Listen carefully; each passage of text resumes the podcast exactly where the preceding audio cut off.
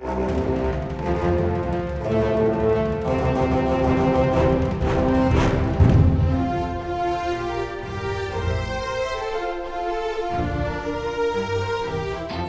til Frankrike forklart, en podkast der du får svar på alt du lurer på om Frankrike. Mitt navn er Frank Urban. Og jeg heter Geir Uvsluk. I denne utgaven av Frankrike forklart skal vi snakke om franskspråklig teater i Norge, og litt om norsk teater i Frankrike. Vi kjenner jo til klassikere som Molière, Racine, Marivaux og Beaumarchais, men hvilke nye teaterstykker blir satt opp på norske teatre? Hvordan finner et teaterstykke på fransk den lange veien til Norge, og hvordan blir det vanligvis mottatt av det norske publikum? Hvilke nye navn er det spennende å følge med på innen franskspråklig teaterverden, og omvendt, hvor godt gjør norsk dramaturgi det i Frankrike, og hvor populære er norske teaterstykker der? Den som skal hjelpe oss med å svare på disse spørsmålene, er Olav Torbjørn Skare. Velkommen. Takk. Hyggelig å være her.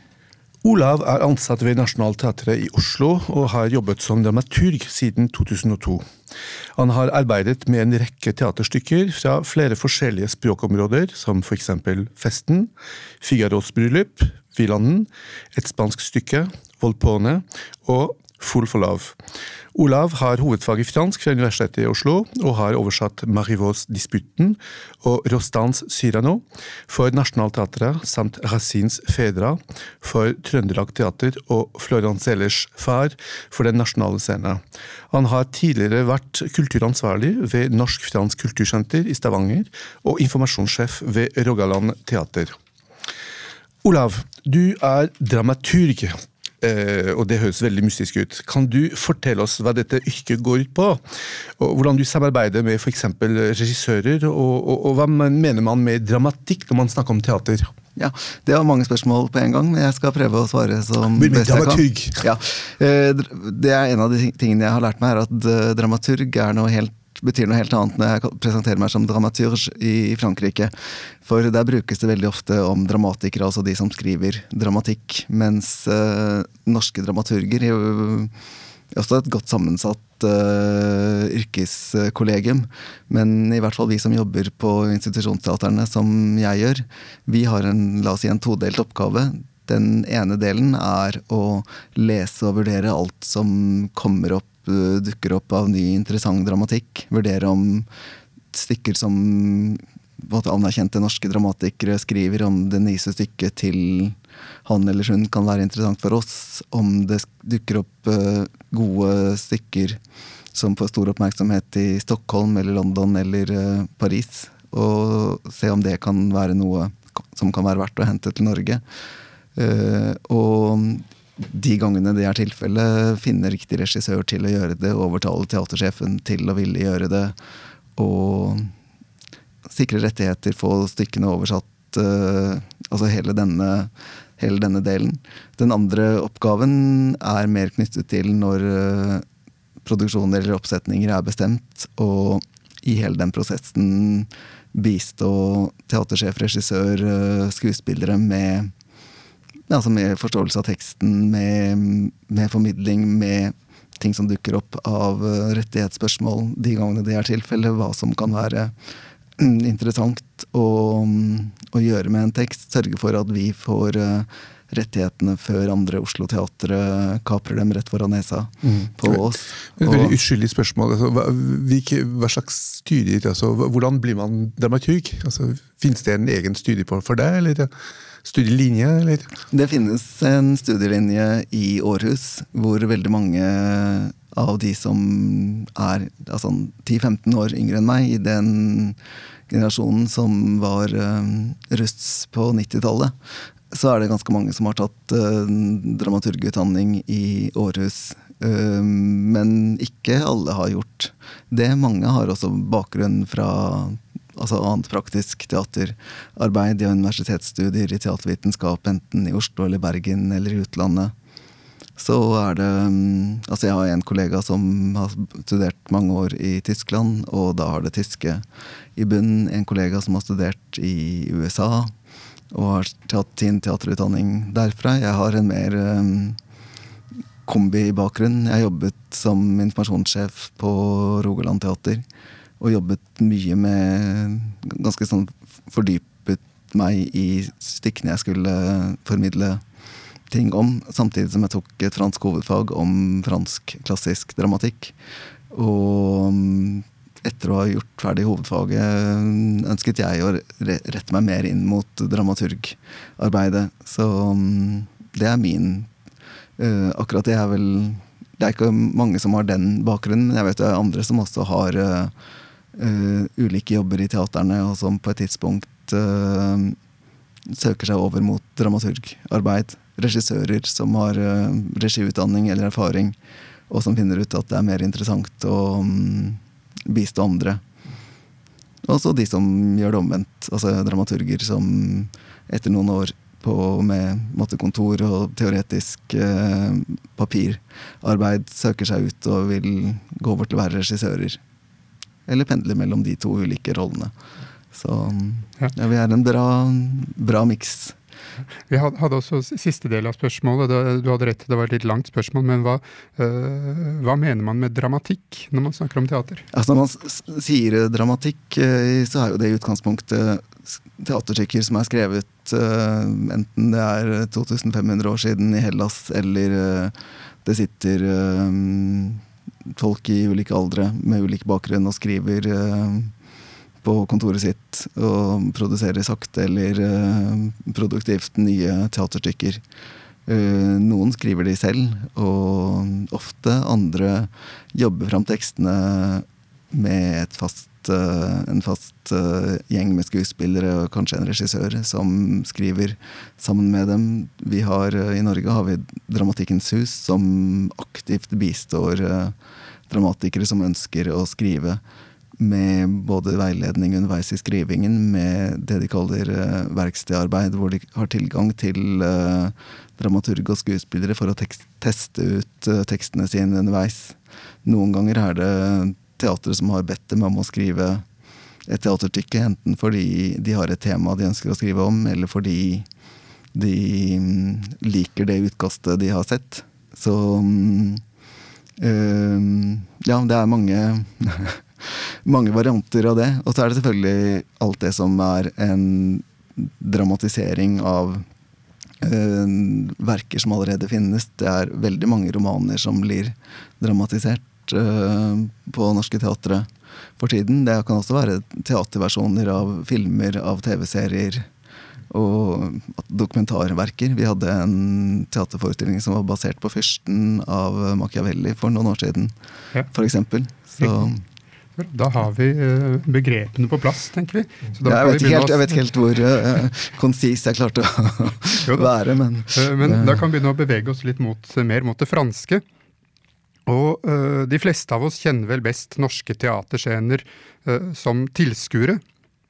Og mange av lytterne våre har sikkert også sett skuespill i Frankrike, men de færreste kjenner systemet fra innsiden.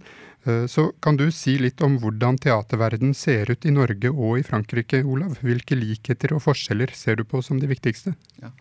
Jeg må vel innrømme at når det gjelder fransk teater eh, Fransk teater er en veldig oppdelt eh, teaterverden, og det er vel bare én del av den, den offentlige teaterne, som jeg kjenner best fra innsiden.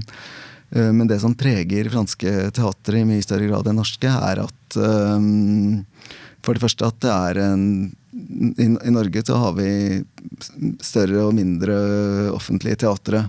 Uh, Nationaltheatret og Det Norske Teatret er de største, men det er store teatre i Bergen, Trondheim, Stavanger, men også andre byer med og de store norske teaterne har i større eller mindre grad et fast ensemble som kan være på fem skuespillere som er der i kortere eller lengre uh, tid, men la oss si liksom fra ett år til fire år av gangen. Noen har fast ansettelse på altså til det går av med pensjon.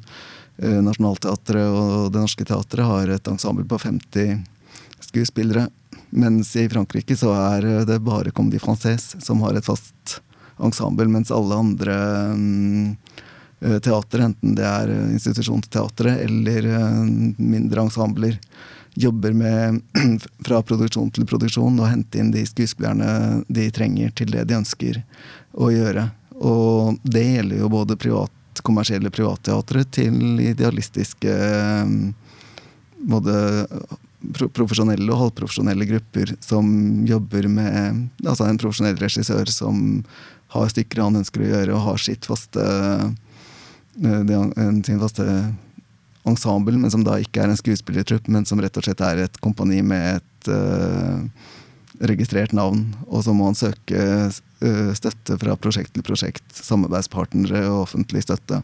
Og da kan han eller hun jobbe med tre skuespillere én gang og en større produksjon med 15 skuespillere en annen gang. Litt avhengig av hvilke samarbeidspartnere og hvilken økonomisk støtte han finner, og hvilket uh, materiale Eh, de skal jobbe med. Eh, så det er en ganske klar, klar forskjell. Og det merker vi jo veldig godt i når vi les, får stykker til lesning, så veldig mange franske teaterstykker er jo måte, lagt opp for én uh, eller to eller tre skuespillere, mens vi har, i hvert fall vi på Nationaltheatret, har et stort ensemble, og det er sjelden vi leter etter uh, monologer, for å si det sånn. Mm. Men du, du begynte å snakke om franske stykker. og Det er jo alltid fascinerende å tenke på at et et franskspråklig teaterstykke kan finne veien helt til Norge, og omvendt. Uh, kan du forklare hvordan en slik prosess finner sted, og beskrive dens eh, ulike etapper? Um, ja, jeg vet, uh, vet, jo mest om hvordan franske stykker finner veien til uh, norske scener, men uh, vi har jo tre gode eksempler på norske dramatikere som har gjort det veldig godt i Frankrike i ulike um, i ulike nettverk og på ulike måter og litt i ulik tid. Men Jon Foss, Fredrik Brattberg og Arne Lygere er på en måte de tre eh, norske som settes opp mest, eller har blitt satt opp mest de siste, la oss si, de siste 20 årene.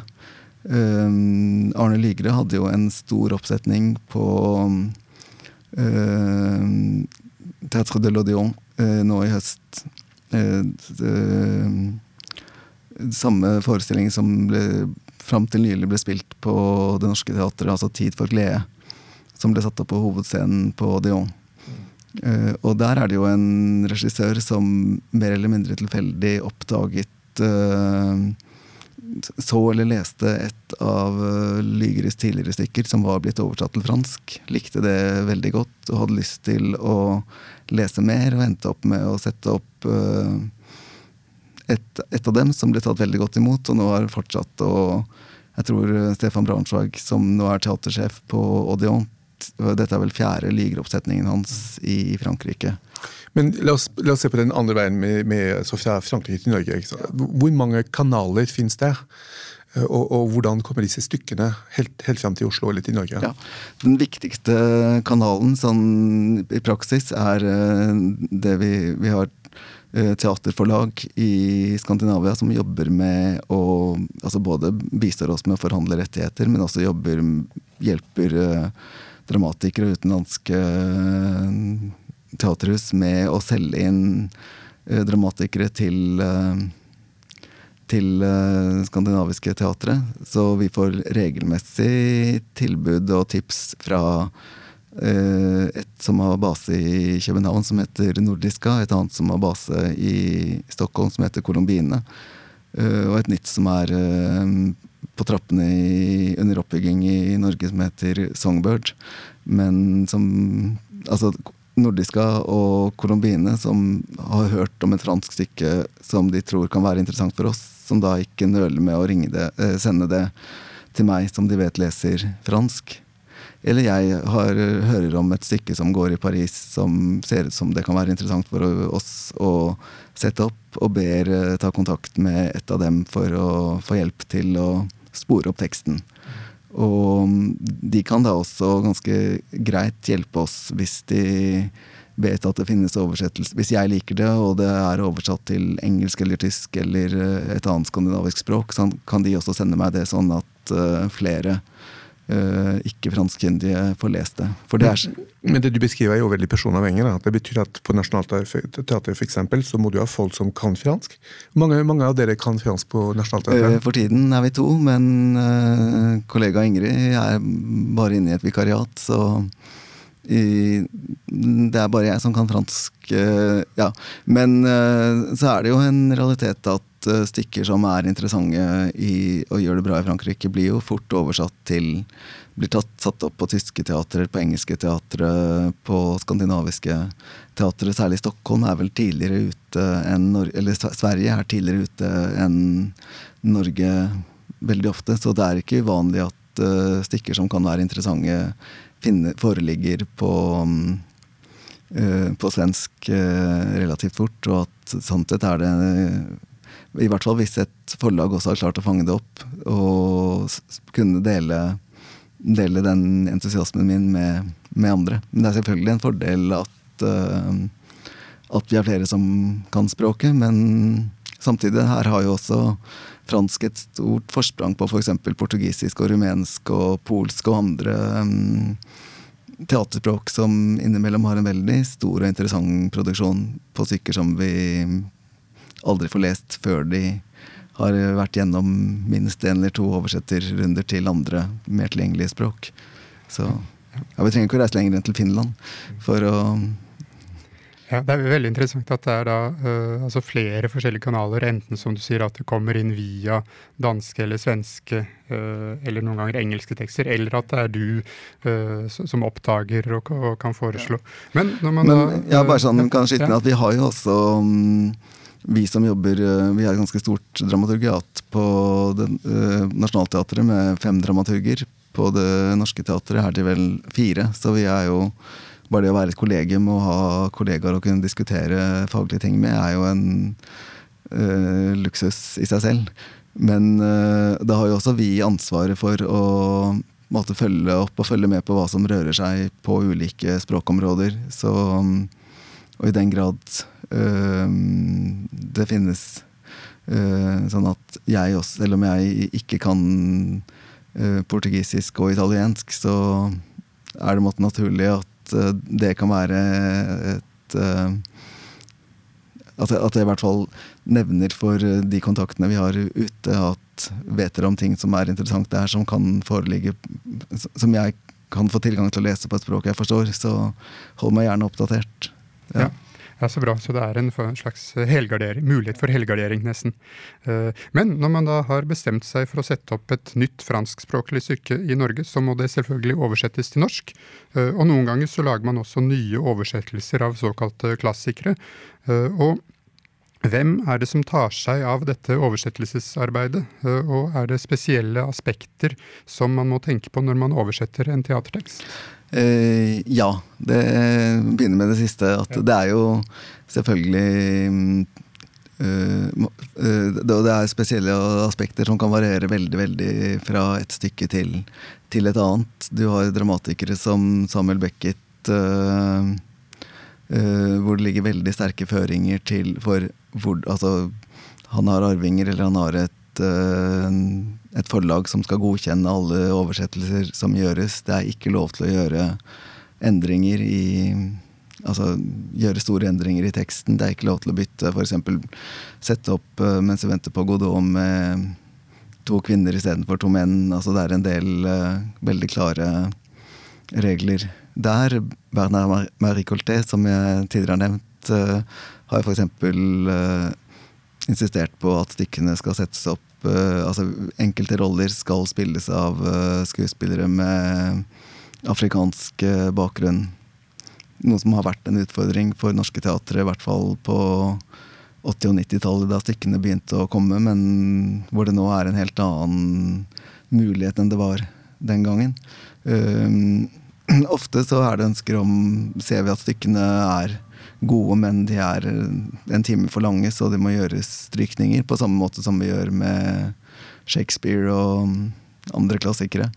Um, og nyoversettelser kan jo være fordi det norske språket har Hvis det er en veldig god André Bjerke-oversettelse fra 1950, så kan det likevel være ting med det norske språket som har endret seg såpass kraftig at det er ønske om å gjør det på nytt, på samme måte som noen ganger så overskriver vi et Ibsen-stykke, eller ja, gjør den type uh, endringer. Men der er det selvfølgelig store variasjoner hva som, hva som er ønsket til hver enkelt produksjon, og hva som er lov å gjøre med de ulike stykkene. Men, men, du har jobbet spesielt med fransk, franskspråklige teaterstykker eh, på ulike scener i Norge. Hva er hovedvekten av det norske teatret setter opp av fransktalende dramatikk? Er det noen dramatikkere som du vil trekke frem som særlig viktige i Norge? Um, det er vel to, hvis du tenker samtidsdramatikk. Uh, altså Molière er vel fortsatt i en særklasse den som spilles uh, oftest. Og um, Uh, for f.eks. spilles mye mindre i Det er veldig sjelden vi setter opp andre Racine-stykker enn Fedra. Det har nok forekommet, men det er nok unntaks, uh, unntaksvis. Uh, nei, vet jeg ikke om det har vært spilt på et norsk teater de siste 50 årene i det hele tatt. Liksom. Ja. Uh, men blant de moderne? Blant de moderne så er det vel to som peker seg ut, som har vært spilt relativt ofte på ulike Eller to eller tre. Spørsmålet er om du skal regne med Coltest som døde i 1989. Hvor lenge er det han kan regnes med til samtidsdramatikken? Selv om han var på en måte veldig tok sin samtid på kornet, og så har det jo skjedd mye med samtiden fra 1980-tallet til, til, i dag. Selv om jeg jeg tror, tenker vi kan ta med Coltés. Ja, ja. Så Coltés, eh, og ellers så er det to som nok har mer bakgrunn fra det kommersielle teatret i Frankrike. Det er Erik Emanuel Schmidt, som opprinnelig er belgisk, men som absolutt regner altså, skriver, skriver, på fransk og spilles mye på franske privatscener. Ja. Og um, har en, har en dramatisk touch og har en kommersiell snert som gjør at han går veldig bra i, på scener i Frankrike og, og, utenlands. Og det er også en av de store forskjellene på norsk og fransk teater, at vi har ikke noe nettverk av privatteatre som setter opp dramatikk. Det er noen som forsøker seg, og ære være dem. Men privatteaterne i Norge jobber primært med musikaler. Eh, så der er det en Nationaltheatret som setter opp Altså Vi kan tillate oss å sette opp Schmidt, og vi kan sette opp Jasmin Areza, som vel er den Hva er din favorittdramatiker? Av de to, eller? Eh? Av alle du uh, har jobbet med? Ja, Det er vanskelig å, vanskelig å velge ut én. Altså, jeg vil jo si at for tiden er det um, Wajdi Mouawad som er uh, Altså, han er opprinnelig libanesisk, eh, vokst opp i Canada, eh, men for tiden teatersjef på La Colline i Frankrike og har et ganske stort eh, og hvitt dramatisk verk som er ganske som er underholdende, og som er gripende, som er voldsomt, og som har en aktualitet som er ganske slående. Vi satte opp det er vel bare ett av stykkene hans som er satt opp i Norge. Um, 'Forbrent', som gikk på Den nasjonale scene for sju-åtte år siden, og som vi satte opp på Kanonhallen i fjor. Ja, så han er absolutt uh, interessant. Men så er det selvfølgelig veldig mange gode som er lite, lite spilt. Og for all del, jeg har veldig sans også for Jasmin Areza selv om hun fram til nå har hatt en mer sånn kommersiell uh, touch i fransk teater. Så, mm. Dere skal vi ha referanser i, mm. ja, på vår ja. webside. Ja, Absolutt. Ja. Hva, hva, Men, vil du, hva, vil du, si at en, en, eh, kjennetegner de uh, forskjellige dramatikerne du har nevnt? Og du, du, du, kan gjerne nevne flere også. Ja, Jeg har vel lyst til å nevne en til, og det er uh, Joël Pomerat, som har, eh, som absolutt er innenfor det offentlige teatret, som har sitt eget uh, kompani, som jobber fram stykker med store ensembler i samarbeid med belgiske og franske teatre. Og han har bare et av stykkene hans, 'Dette barnet', som har blitt, satt opp på Det Norske Teatret, men veldig mange veldig gode stykker som venter på å bli satt opp. Så um, ja, da, da, har vi noe å glede oss til. Ja. Men hva vil du si kjennetegner? Er det, noe, er det f.eks. veldig politiske stykker, eller er det noe med språket, eller hva? Ja, det er veldig ulike eh, De spriker like mye som Jon Fosse og øh, engelske komediediktere. Det, altså, jeg syns uh, Muawad har en evne til å tegne tegne personer og trekke linjer uh, som er uh, verdensomspennende. Altså det er en politisk bunn, samtidig som ikke kommer i veien for det personlige, gripende i mange av historiene han forteller. Uh, Yasmin Areza har en komisk touch som samtidig ikke kommer i veien for at du vil under huden og kommer under huden, og uten at det blir noe utlevering av eh, mange av hennes uh, personer. Så um, Pomera klarer også å ta opp uh, ulike temaer i en helt annen form enn uh, disse to andre, fordi det er mer en, skal vi si, en slags sketsjeform, en serie av scener hvor uh, skuespillere går ut og inn av forskjellige roller som alle kretser rundt uh, et tema. I dette barnet handlet det om barn. I La Reunification de deux Corée, altså sammenslåingen av Korea, handler det om parforhold. som kan være alt fra unge unge par som nettopp uh, har uh, brutt med hverandre, til uh, par i 70-80-åra hvor en av dem har fått Alzheimer, og bruddet ligger i det at hun ikke lenger vet hvem han er. Men du snakket litt tidligere om adaptasjoner. og Det er ikke bare tekster som opprinnelig er skrevet for teatret, som spilles på teaterscenene. Eh, vi snakket om adaptasjoner av romaner, eh, f.eks. Kan du nevne noen eksempler på franske eller frankofone romanforfattere som er blitt satt opp i Norge? Eh, hva er annerledes med jobben din som dramaturg ved slike oppsetninger? Ja. Jeg har faktisk ikke jobbet med noen franske romanadaptasjoner enda, så det det håper jeg får anledning til etter hvert, selv om ja, Hvem skulle det være? Uh, altså Jeg syns jo Vernon Subutex av uh, Pant Pont er et veldig opplagt Er en sterk kandidat. Den har vært satt opp på teater i Tyskland, vet jeg, så det er jo ikke noe formelt i veien for å leke med tanken.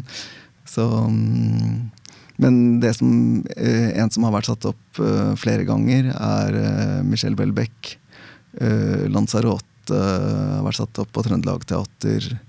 Um, underkastelse har vært satt opp i hvert fall på Teater Ibsen i Skien.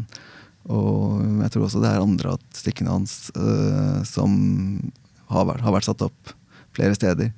Uh, jeg vet ikke om de har vært satt opp i Norge, men jeg har også lest mange uh, dramatiseringer av Madame Bovary.